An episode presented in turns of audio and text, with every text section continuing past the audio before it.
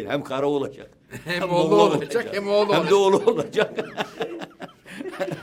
Altından kaldırılır, kalkılır gibi değil. Torununun torununu görürsen cennetlik diyorlar. Yani biz de ümit ediyoruz. Siz mütedeyyin bir insan olarak oraya gitmişsiniz. İslami şartlara göre yaşıyorsunuz. Ama gittiniz İngiliz bir kadına aşık oldunuz. Yo, aşık olduk değil de öyle yani. Aa, bu, bu, bu şartların getirdiği Sakın. Siyasete girmemize vesile doğrudan doğruya Erbakan hocamızın o sözü oldu. Tabii ama ne olursa olsun bir insanın kendi hayatında sorumlu belediye başkanlığı gibi bir sorumluluğu üstlendiği bir dönemde böyle bir hadisenin meydana gelmesi insanı elbette çok üzüyor, derinden yaralıyor. Temel Bey hoş geldiniz. Hoş bulduk, teşekkür ediyoruz. Sadece kendi merak ettiklerimi soruyorum. Evet, güzel. İnşallah. Sizi Zor olmaz inşallah. Çok meraklıysanız o tehlikeli. çok meraklıyım. Evet, bakalım nasıl Merak olacak. etmediğim hiç kimseyle karşı karşıya gelip konuşmak istemiyorum. Evet. E, de biliyorsunuzdur da onun için merak etmiyorsunuzdur belki. Siyasiler için bu geçerli değil. Çünkü ben Türkiye'de siyasilerin e, sadece kendi istediklerini gösterdiklerini ama istemediklerini ya mesela atıyorum e, insani yönlerini niyeyse sakladıklarını düşünüyorum. Yani saklama mı yoksa insanlar da bir kişinin özel e, hayatıyla da pek ilgilenmiyorlar belki de. Ama özel hayattan söz etmiyorum. insani yönlerden söz ediyorum. Yani insani yön dediğimiz zaman da birazcık da onun özelliği var. Yani sizin bir hadise karşısındaki tavrınız, yani sokakta gördüğünüz bilmem yaralı bir kuş olsun, kedi olsun, bilmem köpek olsun veya karşılaştığınız bir manzara ister istemez sizin e, insani tarafınızı da e, özel tarafınızı da ortaya koyuyor. Ya da- Tavrınız oradaki. Ya da siyasiler hiç acı çekmez mi? Hiç üzülmez mi? Oo. Hiç pişman olmaz mı? Olmaz olur mu ya? Mecburen tabii doğru. Yani acı da çeker. Pişman insan çünkü insan olduğu için de bunların hepsiyle karşı karşıya kalır. Ama tabii bazı noktalarda siyasiler buralardaki hassasiyeti zaafiyet gibi gözüksün istemeyebilir. Ama zafiyet değil ki. De, değil tabii de. Yani çok fazla merhametli olması bazılarına ya biraz daha dirayetli olacaksın, söylediğini yaptıracaksın gibi bir kanaat oluşmasına vesile olabilir. Tabii bu aslında siyaseti de bir insanın ne için yaptığını, neden o sahaya girdiğini, e, girdiğiyle ilgili bir konu herhalde. E, Yani insanların kendi mizahçıları sadece siyasette değil, yönetimde de, toplum içinde de e, farklılık arz ediyor. İster Siz, istemez. size temel dede diyorlar değil mi? Ya öyle diyenler de var, dede diyenler de var. Aklına ne geliyorsa benim duymadığım, duymak istemediğim ifadeleri kullananlar da vardır belki. Onları bilmem. Yani herkes kendine göre bir şey söyleyebilir. Duyduğum bir temel dede var. Bir şey daha vardı. Yani temelde de çocuklarda genelde sakalda olunca, beyaz olunca, yaşla ilerleyince temelde de daha sempatik geliyor, hoş Bir de geliyor. akil adamlıkla ilgili bir şey söylüyorlardı. Vallahi ben akil adam... Bilge dede değil mi? Ha- Bilge başkan. Ya akil adamlar listesine girmediğim için onu bilmiyorum. O ayrı bir taraf. Siyaseti var. Ama Bilge başkan diyorlar size. Ya işte onu bana ilk defa sordukları zaman ben de düşündüm. Niye böyle dediler? Yaşlı diyemediği için arkadaşlar bir şey bulalım dediler. Yaşlılık yerine bilge biraz daha oturdu onlara göre. İngiltere'de okudun. İngiltere'de yüksek tahsili İngiltere'de yaptım. Yüksek lisansınız. Yüksek tahsilli ve ya hem lisansı da orada yaptım. Yani master yaptım döndüm. Tekstil üzerine mi? tekstil üzerine ya bursla gittim ben. Sümerbank bursuyla devlet müesseseleri gönderecekleri personel için ayrı ayrı imtihan açıyorlardı. E, üniversiteler de kendi imtihanlarını kendileri yapıyorlardı. İstanbul Üniversitesi'nde var. İstanbul Üniversitesi'ni kazandım mı kazanmadım mı bilmiyorum. Gidip bakmadım. Teknik Üniversiteyi kazandım. Teknik Üniversitede benim gönlüm e, öğrencilik yıllarında dayım e, inşaat mühendisi olduğu için hep inşa, inşaat mühendisliğindeydi. Ve iyi bir dereceyle kazandım. Vize şeylerine girdik, imtihanlarına. Amcam oğlu vardı, beraber okumuştuk lisede. O bir gün geldi, dedi ki ya Sümerbank'ı beraber kazanmışız. Liseyi beraber okuduk. Hadi gidelim beraber. Peki dedim ben de. Ondan sonra tek üniversiteyi bıraktık. İngiltere'ye gittik. Yurt dışına gitmenin bizim için önemi İstanbul'da kalsak babam bir öğretmen bizim geçimimizi herkesi birden okutacak kardeşlerimle birlikte zorlanırdı. Onun için İstanbul'da okumak da en az birkaç yüz lira gerektiriyordu. E babam da bir öğretmen maaşı zaten 500 600 lira en fazla. O zaman burslar da bu kadar kolay değildi herhalde. Onun için yurt dışına gitmeye karar verdik. 60'ta gittim ben. Kemal Temel Bey sonra dönüp Sümerbank'ta mecbur hizmet yaptınız. Tabii 67'de döndüm. Sümerbank'ta başladım göreve. Bir, genelde ben göreve talip olmadım. Ama hadiseler hayat içinde öyle oluyor ki sizi pat diye belli bir noktaya sürüklüyor. Ee, İngiltere'deyken e, işte rahmetli Özal'ın hepsi rahmetli oldular. Şimdi en küçük kardeşleri Yusuf Özal bizimle beraberdi. Onlar Londra'da, biz Manchester'deydik. Muammer Dolmacı o da rahmetli oldu. O da onlarla beraber e, çalışıyordu. Ben Türkiye'ye dönüp Sümerbank'ta göreve başlayınca bizim işte Muammer abi daha önceden görüşmüştük. Onunla bir görmeye gittim. O bizi rahmetli Özal'a çıkardı. Özal da o zaman pek lisan bilen insan yok Türkiye'de. Hemen isteyin dedi. Ben iki ay sonra Sümerbank'taki görevi bıraktım. Devlet Planlama Teşkilatı'na geçtim. Yani beş sene Devlet Planlama Teşkilatı'nda tekstilden sorumlu uzman olarak çalıştım. Temel Bey, e, İngiltere'ye okumaya gittiğinizde de mütedeyyin bir insan mıydınız? Evet. Yoksa orada Yok. hani genel olarak öyle olur ya yurt dışına okumaya gidince Doğru, doğru. insanlar dine daha düşkün olurlar. Doğru. Şöyle yani o da olabilir de işte liseye giderken, ortaokuldayken daha doğrusu Kayseri'ye, Kayseri Lisesi'ne geçtim. O zaman bizim arkadaşlarımızın arasında böyle bir hava oluştu. Ya biz kendi inancımızı öğrenelim. Ne yapalım? Hadi gidip Diyanet'ten, e, orada güftülükten e, kitap isteyelim. Bize tavsiye ederler mi diye. İslam'la ilgili yazılı kitap yoktu o zaman. Bana doğrudan doğruya Hasan Basri Çantay'ın mealini verdiler. Ya bir lise öğrencisi ben yani böyle geçmişim de yok aileden gelen bir.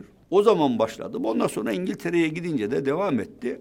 Tabii bazı sıkıntılar vesaireler oldu ama e, elhamdülillah oradaki çalışma ben hem Türk Talebe Cemiyeti'nde hem Müslüman Talebe Cemiyeti'nde görevlerim oldu.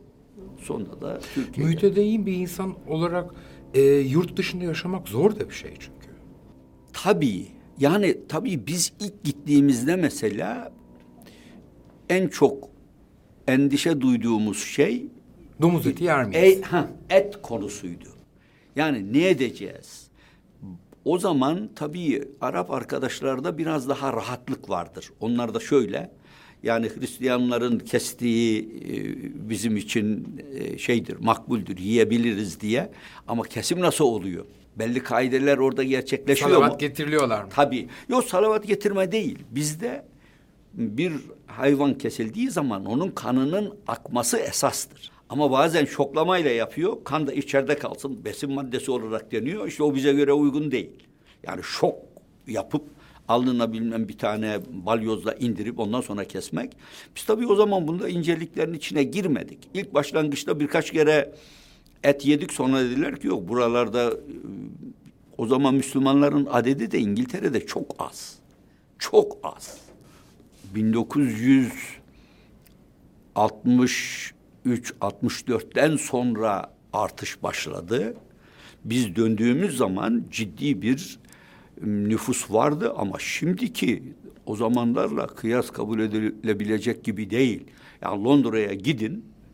e, Londra'nın mahallesi var. Her yerde her inançtan ve her ırktan insanı görürsün. E globalleşme böyle bir şey. Ama işte biraz e, Londra gibi yerler, Paris gibi yerler özellik taşıyor. New York gibi yerler. Ama Londra bunların arasında müstemlekeci bir devlet olduğu için başkalarından daha farklı. Yani Paris'te aynı manzarayı görmüyorsunuz. Onlar da Kuzey Afrika'yı işgal etmişler. Orada e, bir sömürgeleri olmuş. Almanlarda mesela bunu görmüyorsunuz. Almanya'da sadece işte Türklerin 1960'lardan itibaren Almanya'daki inşaat sebebiyle göçlerinden dolayı bir Türk nüfus var, yoğunluk var. Ama caddede, sokakta Londra'da gördüğünüz manzarayla karşılaşmazsınız.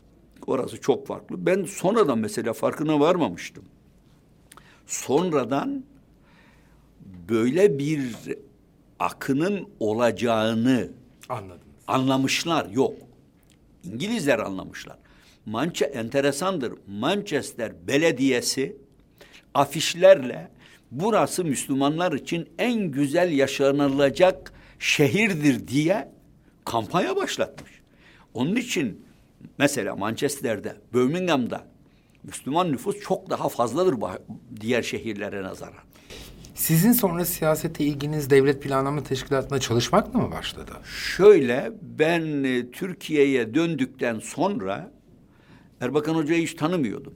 Ankara'da işte devlet planlama teşkilatındayken Erbakan Hoca'yı da beni de bir yemeğe davet etmişlerdi. Orada ben ilk defa Erbakan Hoca'yı gördüm. Çok da güzel konuşuyor.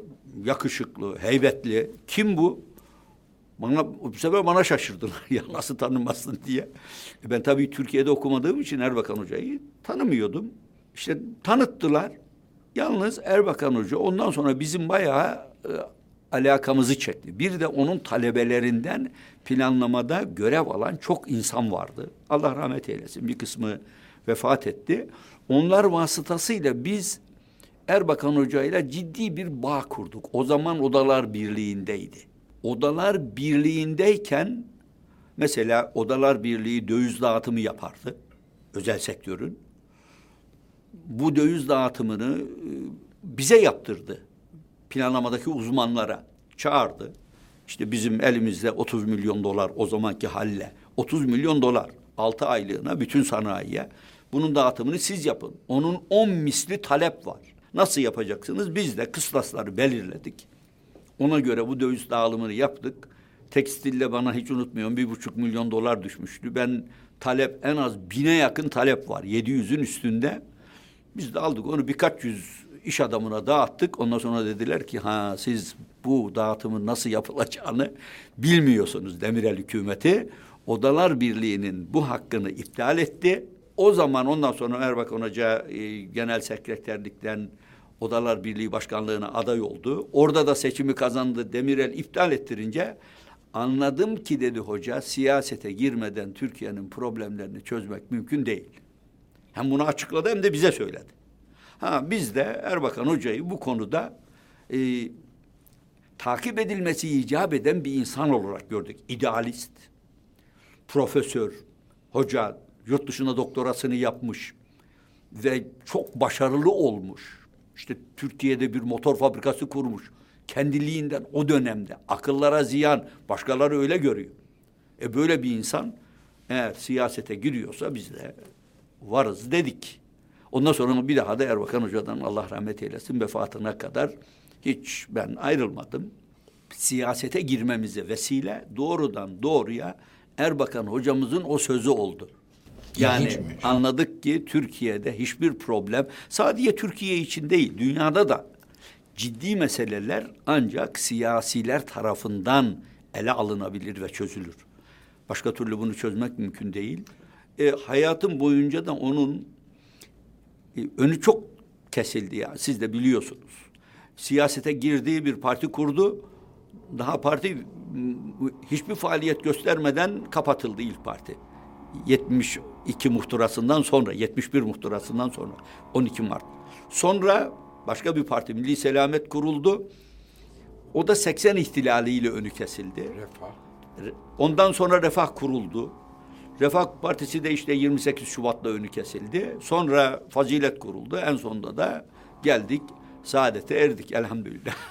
Şimdi saadetteyiz. Çocuklarınız var mı? Var. Beş çocuğum var.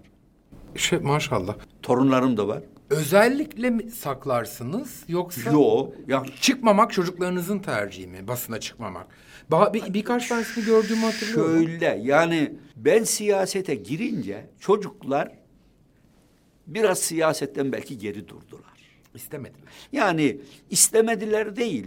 Fırsat olduğu zaman, yeri geldiği zaman da destek verdiler ama şimdi benim çocuklarım ikisi de devlette çalışıyor. Şimdi devlette çalışınca çıkıp aleni bir destek vermeleri zaten düşünülemez. Doğru da olmaz bugünkü şartlarda. Onun için onlar hiçbir zaman e, kamuoyunda çıkmadılar. Böyle bir şeyin içine girmediler. Saklarlar mı sizin çocuklarınız olduğunu? Yo. Sadece soyadlarını söylerken bazen çekinirler. Çünkü Karamollaoğlu deyince ha, herkes kurak kabartıyor. Yani bir farklı da uzunca bir isim. Bir de Kara Molla oğlu yani üçü birden. Ee, az değil hem kara olacak. Hem oğlu olacak, hem oğlu Hem de oğlu olacak. Altından kaldırılır, kalkılır gibi değil. Kaç torununuz var? Sayılarını söylemeyeyim ama epey var. Merak ettim şimdi. Ya hiç o artıyor derim. Onun için söyleyemem. Söylesem şimdi arkadan diyeceksiniz ki ya eksik söylemişsin. Geliyor. Yani 10-15'in üstünde. Oo maşallah. Torunlarımın çocukları var daha önemlisi. O zaman çok geç evlendiniz. Yani çok da geç sayılmaz. 24 Genç. De- Genç tabii tabii. Yani 24-25 yaşlarında çocuklar da e, hamdolsun biraz tabii onlar da erke evlendiler. En geç evlenen çok da uzun sürmedi ama yani geç çok geç evlenmediler. Öyle olunca ondan da çocukları oldu. Onun arkasından da pat diye Torunların çocukları torunların çocukları başladı. Maşallah kaçıncı da kuşağı, üçüncü kuşağı görmüş Üçüncü oluyorsunuz. kuşak şimdi dördüncüyü yani torununun torununu görürsen cennetlik diyorlar. yani biz de ümit ediyoruz. Var ama o ihtimal. Çünkü şimdi en büyük torun 13-14 yaşına geldi neredeyse. O da torun tor- çocuğu. Torun deyince çocukların torunları yani. İnşallah onlar e, evlenmeyi geciktirmezlerse torunun torununu görürüz. İngiltere'den evlenip Türkiye'ye döndünüz. Evet, evet. Aslında enteresan değil mi? evet. Niye enteresan? Normal. Şundan. Şimdi gene siz mütedeyyin bir insan olarak oraya gitmişsiniz. İslami şartlara göre yaşıyorsunuz. Ama gittiniz İngiliz bir kadına aşık oldunuz. Yo, aşık olduk değil de öyle yani. Aa, bu, sakın. bu, bu şartların getirdiği. Sakın. Bu şartların şartlar şart ya şimdi bu ayrı bir iş. Hakikaten evlilik ayrı bir iş. Yani bir yerde siz birisiyle uzlaşacağınızı bir hayatınızı birleştirdiğiniz takdirde mesut olabileceğinizi düşünürseniz ki öyle oldu. Evlendik. Hamdolsun eşim de kendisi Aşık olmadınız mı. Temel Bey? Ya şimdi o, o, o tip ben o tip şeylere girmiyorum da çünkü aşık olmak olmamak dediğiniz zaman iş başka taraflara da e, savrulabiliyor. Yani aşık olmak ne demek? E, iş geliyor oraya da. Güzel soru. Vallahi güzel soru. İşte o geliyor o sorulara da. Ama hamdolsun yani önemli olanı eşim Türkiye'ye iyi intibak etti. Kendisi de mütedeyyin, e, inancında e, sağlam olan bir yapı. Sizi çok sevmiş ama belli ki. E, o yaşta kalkıp geldiği için tabii yani. Şundan dolayı söylüyorum. Şimdi i- i- muhtemelen Hristiyandı ya da Katolikti neyse Protestandı evet. neyse ne önemi var. Evet. Ama din değiştirip e, aşık olduğu adamın peşinden hem din değiştirecek hem ülke değiştirecek hem yaşam biçimi değiştirecek. Kolay Bayağı değil. aşık olmuş size yani. Yo şimdi bakın bizim tabii e, öyle ümit ediyorum ki tabii bu e, eşimin kanaatidir aynı zamanda. Annesi de onun Müslüman olarak vefat etti diye. Yani ben gittiğim yerde çok yerde kaldım. Gittiğimiz yerlerde mesela Londra'da iki veya üç ailenin yanında kaldım. Şeyde dışarıda İngiltere'de üniversite bulunan yerlerde kendi yanlarında öğrencilerin kalmasını isteyen onlar için ek bir Biliyorum, ben de kaldım. Ha onlar verirler. Ben gittiğim kaldığım her yerde mutlaka ev sahibine bir götürdüm bir Kur'an-ı Kerim meali hediye ettim. ha, aldılar, okudular, okumadılar onu bilmiyorum. Ama e, burada tabii zorlama e, olmaz zaten zorla kimse kendi inancını sorgulamaz, değiştirmez. Tabii Avrupa'da aslında Hristiyanlık inancı giderek çok zayıfladı. Kiliseler boş. Manchester'de e, öğrenci faaliyetlerini de yürütürken cemaatin de oradaki Müslüman cemaatin ihtiya- ihtiyaçlarıyla ilgili en az üç tane kilise satın alındı ve camiye çevrildi. Üç. İçinde Katolik kilisesi de vardı. Şimdi İngiltere genelde Anglikandır. Yani İngilizler diğer yerlerden farklıdır. Sen, siz de biliyorsunuz. Katolik azdır. Katoliklerin de üstelik camiye, gi- kiliseye gidenler de azdır. Boşalmış e, kilise ne yapacak adam?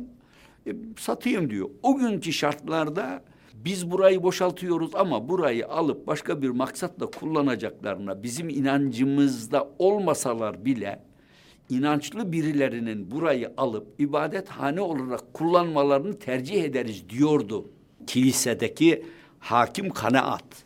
Bundan dolayı da birçok kilise mesela satın alındı. Ama şimdi kanaatler değişti. Avrupa'da kilise almaya kalktığı takdirde ım, İslami cemaatler yıkıyorlar. Kiliseyi vermiyorlar. Arsayı veririz diyorlar ama burada işte o da Müslümanlıkla ilgili bir takım kanaatlerin yanlış kanaatlerin Temel Bey sizin kaynaklı. Sivas'la belediye başkanlığı yaptınız ya ne ilişkiniz var peki Sivas'la? E ben Sivaslıyım, Gürünlüyüm. Şimdi demin Kayseri'de büyüdüm deyince Ha şöyle, Kayserilisiniz diye düşündüm. şimdi şöyle, babam öğretmen olduğu için devamlı seyahat etmiş. Kardeşlerimizin işte Kayseri'de doğan, Kayseri'de değil de biz Develi'de kalmışız daha çok. Babam orada öğretmenlik yapmıştı. Öğretmen olarak fazla yer değiştirdiği için ister istemez kardeşler farklı yerlerde doğmuşlar. Ben e, Gürünlüyüm ama babam Akçadağ Ortaokul Müdürüydü. Yeni tayin edilmişti. Yeni açılmıştı okul. O zaman ki kaymakam babamı ya bu çocuk yani burada kalırsa tamam sen buranın müdürüsün ama bu okul ister istemez eksiklikleri çok fazla olan bir okul. Yani bir parasız yatılı imtihanına girse iyi olur diye biz de girdik imtihana kazandık Kayseri'ye gittik. Yani imtihanın neticesinde Sivaslıları Kayseri'ye, Kayseri'de veya başka yerde olanları da Sivas Lisesi'ne veriyorlardı. Yani aynı şehire kendisinin memleketine vermiyorlardı. Böylece ben beş sene Kayseri'de okuma, ikinci sınıftan, orta ikiden itibaren Hayat hep babanız üstünden anlatıyorsunuz. Annenizle ilişkiniz az, daha mı azdı? Evet. Yo ya baba e, anne ev hanımı. yani b- babam nereye giderse e, annem de öyle gidiyor beraber gidiyor. Hakikaten şartlar çok farklıydı o dönemde. Yani Türkiye'nin içinde bulunduğu şartlar e, ben bundan genel başkanlık görevi bendenize verilmeden önce çocukları aldım. Ya dedim ben başlangıçta nereden başladıysak gelin kendimi bildiğimden beri size gittiğim yerleri ve bizim kendi köyümüzü, ilçemizi bir gezdireyim. 10-15 gün bunları bir minibüsle Kayseri'ye gittik, Develi'ye gittik. Bizim kendi köyümüz Gürün, Göbek Viran vardır. Bizim köyün adı Göbek. Göbeören derler veya Göbek Ören derler. İşte oradan Sivas'ın içine, Gürün içine geldik. Bizim e, Darende ile ilişkimiz çok fazladır.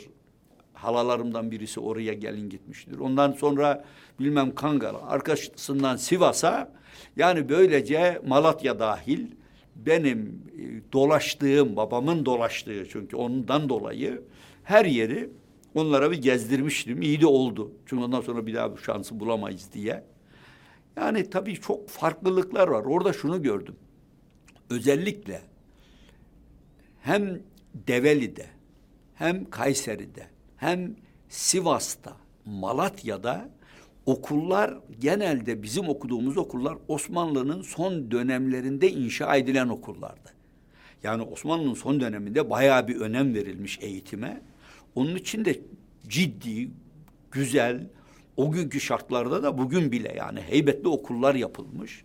Bizim okuduğumuz mekanları en azından çocuklar da görmüş oldular. Bizim yaşadığımız, benim yaşadığım dönemlerde yoksulluk dönemiydi. Kayseri Lisesi biz parasız yatılıydık ama lisenin bir yurdu yoktu. E, nerede kalıyordun? Efendim? Nerede kalıyordunuz?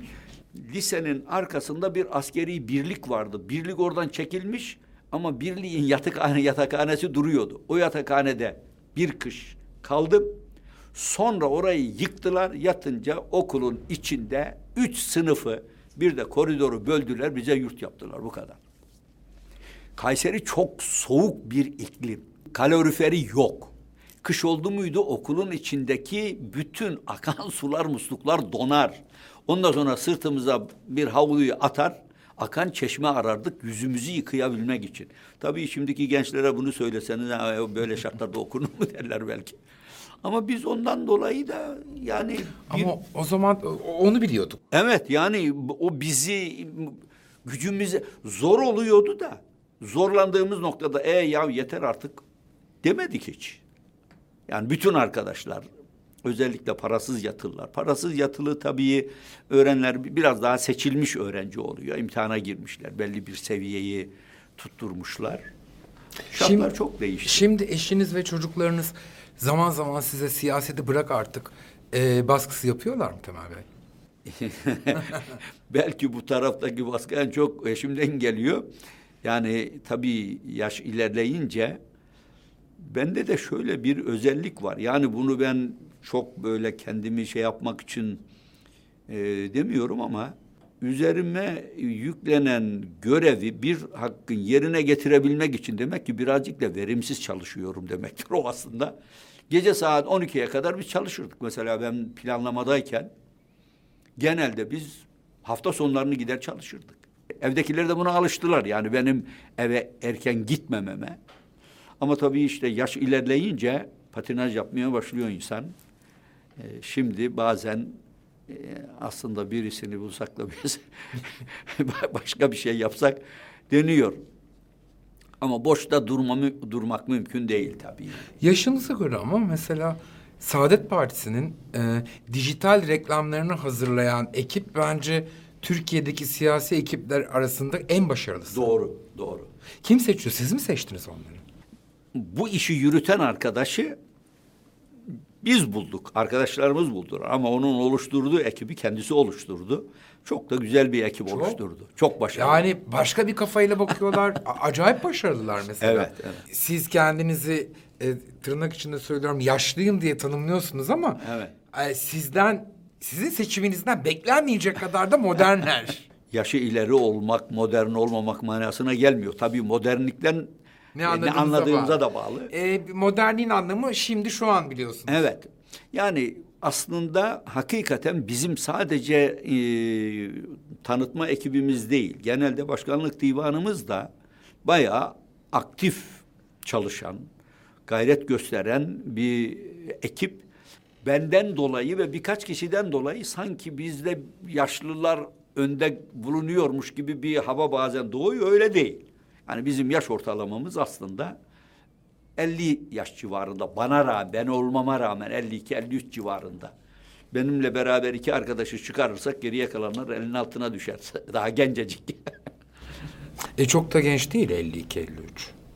Yaşlı da değil. En verimli çağ. Şimdi bir genelde prensip olarak derler ki hayatta bir insanın verimli olduğu, en verimli olduğu çağ 35 ile 55 yaş arasıdır. Son bir yılım diye ben. Evet sizin doğumunuz 66 doğumluyum. 66. Benim ilk çocuğum da 66 doğumlu. Şimdi yani ama siz 55'ten sonra aktivite ortadan kalkmaz ama biraz daha yol gösterici, biraz daha ön açıcı olmanız icap eder. Ama orada bir tehlike var. İnsanlar yaşlandıkça kendi prensiplerinde katılaşırlar. İşte o tehlikeli.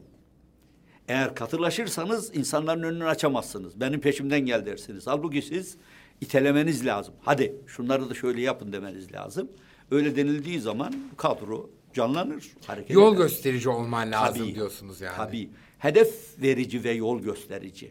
Yol gösterici gene arkamdan gel demek gibidir. ben önden gidiyorum. Ama hedef gösterip de ona göre ekibinizi organize ederseniz o zaman çok başarılı çalışmalar yapılabilir. Kaç yıldır siyasetle uğraşıyorsunuz Temel Bey? aslında fiilen siyasetin içinde 50 yıl diyebilirim. Uf. Fiilen 48 yıl. Keşke siyasetle uğraşmasaydım dediğiniz bir an var mı? Hiç olmadı.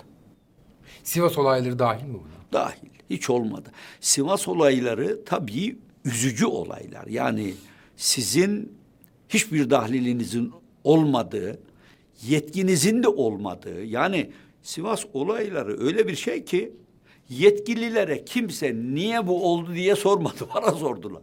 Ya belediye başkanı ne asayişten sorumludur, ne istihbarattan sorumludur, ne güvenlikten sorumlu. Ya yok böyle bir şey görevi.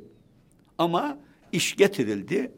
Yani orada başka bir düzen kurulmaya çalışıldı. Başlangıçta muvaffak oldular, itham ettiler.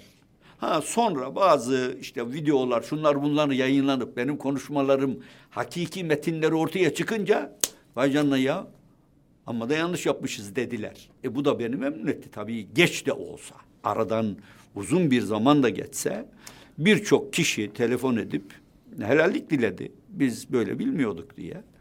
Tabii ama ne olursa olsun bir insanın kendi hayatında sorumlu belediye başkanlığı gibi bir sorumluluğu üstlendiği bir dönemde böyle bir hadisenin meydana gelmesi insanı elbette çok üzüyor, derinden yaralıyor. Bu onu kabul ederiz. Fakat siyaseti ben hiçbir zaman bir menfaat vesilesi olarak görmedim. Onu ifade edeyim. Ben bunu bir böbürlenmek için, övünmek için falan söylemiyorum. Hiçbir zamanda bir makama talip olmadım. Bir yerde tavır koydum. 91 yılında ben belediye başkanıyım. 89'da seçilmişim. Erbakan Hoca dedi ki bizim sana ihtiyacımız var. Çünkü eski milletvekillerinden bir aynı zamanda seçime giderken bir kadro oluşturalım diye. Dedim ki hocam ben gelemem. Yani Sivas'ı iki yıl içinde bırakmak demek yani farklı bir maksatla ben buraya geldim manasına gelir. Böyle bir karar verirseniz itiraz da etmem ama ben bir daha Sivas'a gitmem. Ondan sonra vazgeçti hoca. Ben ancak 95 yılında birinci dönemi tamamladım. İkinci dönemde seçildim. Bir takım hizmetler devam etti. Fakat bu bana şöyle bir şans verdi. Hakikaten Sivas'ta bir hizmetler bütünlüğü oluştu. Başladığımız işlerin tamamına yakınını e, bitirdik o, o dönemde. Ve bayağı imkansızlıklar içindeydi. İmkansızlıklar içinde çalışıp başarılı olmak da insana ayrı bir memnuniyet veriyor ve ben şunu tekrar söylüyorum. Başarı benim o kendi sadece kabiliyetimden, e, becerimden, aklımdan dolayı değil, kurduğumuz ekibin öyle bir ekip olmasından. Heyecanlı, gayretli, çalışkan. Hataları olmadı mı? Oldu. Ya şunu böyle yapmamış olsaydınız dediğimiz oldu. Ama o imkansızlıklar içinde e, Sivas bambaşka bir il haline geldi. Yani tabiri caizse bazen bunu ben değil arkadaşlar söylerler. Sivas biraz büyükçe bir köy gibiydi. Gittikten sonra değişti. Elhamdülillah. O da benim için e, övünç vesilesi demeyeyim ama e, memnun olduğum bir durum oldu. Onun için siyasette hiçbir zaman onun dışında bir tavır sergiledim. Hiçbir yerde ben şu noktayı isterim, şöyle oluyum demedim. Genel başkanlık da benim omuzlarıma böyle yüklendi. Bir daha dünyaya gelme imkanınız olsa yine siyasetçi olur musunuz? ya dünyaya tekrar gelme imkanı yok da. evet, şimdi evet yani tekrar olur musunuz? Yani ben siyaset yapmış olmaktan, siyaset uslubumdan, siyaset uslubunda ittifak ettiğimiz arkadaşlardan, kadromuzdan ve memnunum. Allah razı olsun. Yani hakikaten bu kadar fedakar, bu kadar gayretli ve e, kendi şahsi e, menfaatlerinden çok bulundukları ülkenin, ilin, bölgenin e, menfaatlerini güzel gözeterek yapılan çalışmalar insanı her zaman memnun ediyor. Temel Bey sizi ne eğlendirir? Mesela diyelim ki bugün siyaset düşünmeyeceksiniz. Bir pazar günü dediniz ki hiç siyasetle ilgilenmeyeceğim. Neyle vakit geçirirsiniz? Ne yaparsınız? Yani şimdi okumak bunların içinde bir tanesi. Eskiden daha fazla okurdum. Şimdi bu gözler artık insanı zorlamaya başladı. ziyaret edelim dediğimiz zaman torunları, çocukları ziyaret etmek bayağı bir zaman alıyor. Gidip onları da evlerinde, yakınlarında ziyaret etmek gerekiyor. Ama mutlaka bir işte çalışmak gerekiyor. Yani bir yerde e, bir sorumluluk alıp bir takım faaliyetleri yürütmek Başka bir işle iştigal ediyor musunuz? yok. Çünkü geçen kime sordum hatırlamıyorum. Ee, bir gene parti gen Aa Ali Babacan'a. Bir parti genel başkanı geldi. Dedim ki ben parti genel başkanları partiden maaş alır mı? Hayır dedi. Almaz. E nasıl geçinirler dedim. Kendi işlerimiz var bizim dedi. Şöyle yalnız benim tabii bir işim yok ama ben milletvekilliğinden emekli olduğum için kendimi geçindirecek kadar bir emekli maaşı alıyorum orada. Yani çok rahat bir şeyim var ama onun dışında bir işim, bir gelirim yok benim. E bir de cebinizden harcıyorsunuz. Siyaset öyle bir şey çünkü. Siyaset öyle bir şey. Harcamak mecburiyetindesiniz. Evet. Yani- Niye? Ya niye insan... Çünkü bu bu faaliyet, siyasi faaliyet hakikaten ülkenin menfaatlerini gözeterek yapılan bir faaliyet. Tabii ben bunu böyle söylerken ya herkes bu tip hikayeleri anlatır diyebilirsiniz. Ama biz buna gönülden inanmış insanlarız. Ben Erbakan hocamızın hayatına baktığım zaman kendisini bu davaya adamış bir insandı. Tabii onun azmi, şevki, ilmi bizde yok. O çelme taktılar. Ne zaman düşse ayağa kalktı.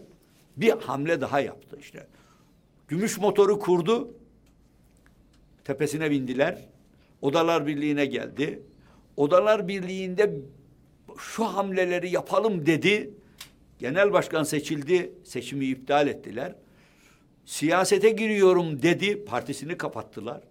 Arkasından Milli Selamet kuruldu. Hükümet oldu.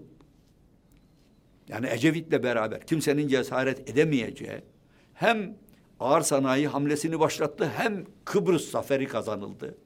Sonra oy düştü 75'le aniden emrivakiyle seçime gidildi. Yani bilmem sahte oylar kullanıldı. Milletvekillerimizin adedi düştü.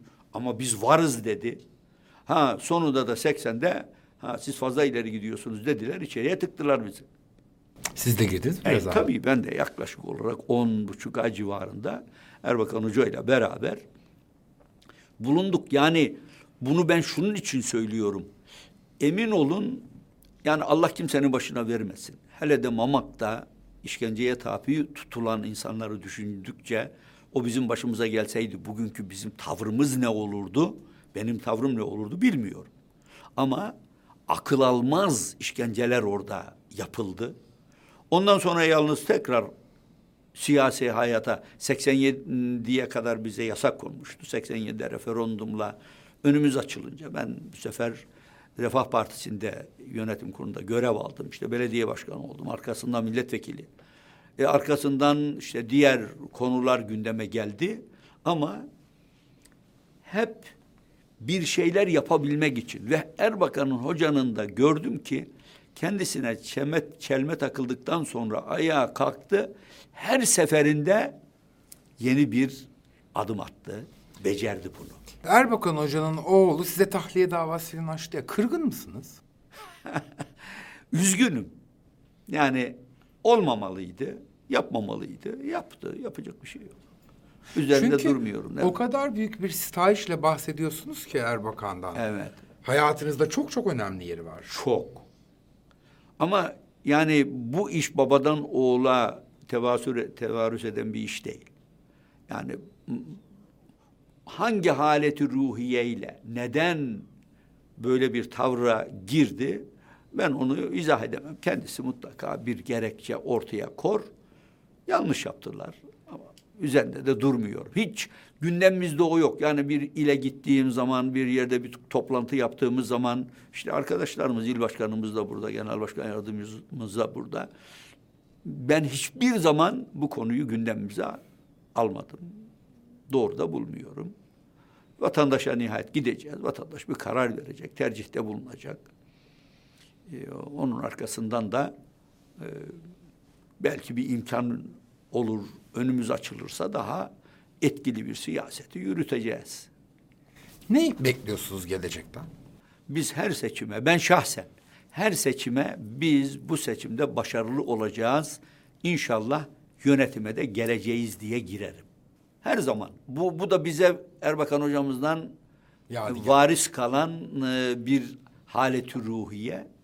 Ha gerçekleşir, nasıl gerçekleşir? Onu bilemeyiz. Şartların zor olduğunu biliyoruz. Bunların üstesinden gelmenin zor olduğunu biliyoruz. Ama ülkede böyle yönetilemez. Yani biz bugünkü gidişatın memleketi huzura kavuşturacağına binde bir bile ihtimal veremiyorum. Siz iktidarda bulunacaksınız. Erbakan Hoca'nın çalışmalarını geçmişte görmüş olan, onunla birlikte politika yapmış olan bir durumda bulunacaksınız.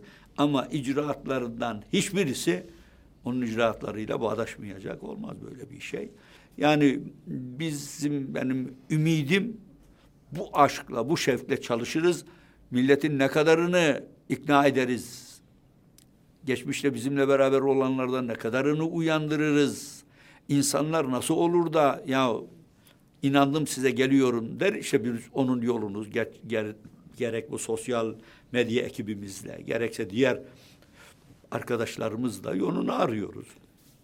İnsanlar e, siyasette tabii kutuplaşma insanları ikna etmenin önündeki en büyük engel fikir değiştirmenin önündeki de engel. Tayyip Bey bunu bildiği için kutuplaşmayı bir numaralı e, hedef haline getirdi.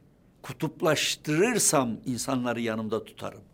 Ama bu doğru değil ki. İnsanlar kutuplaştığı takdirde birbirlerine karşı husumet beslemeye başlıyorlar. Birbirlerini ihanetle itham ediyorlar. Çok keyifli bir sohbetti. Geldiğiniz için Sağ çok olun. teşekkür ederim. Sağ ben olun. de size teşekkür ediyorum böyle bir fırsatı verdiğiniz için. Sağ olun. Sağ olun, var olun.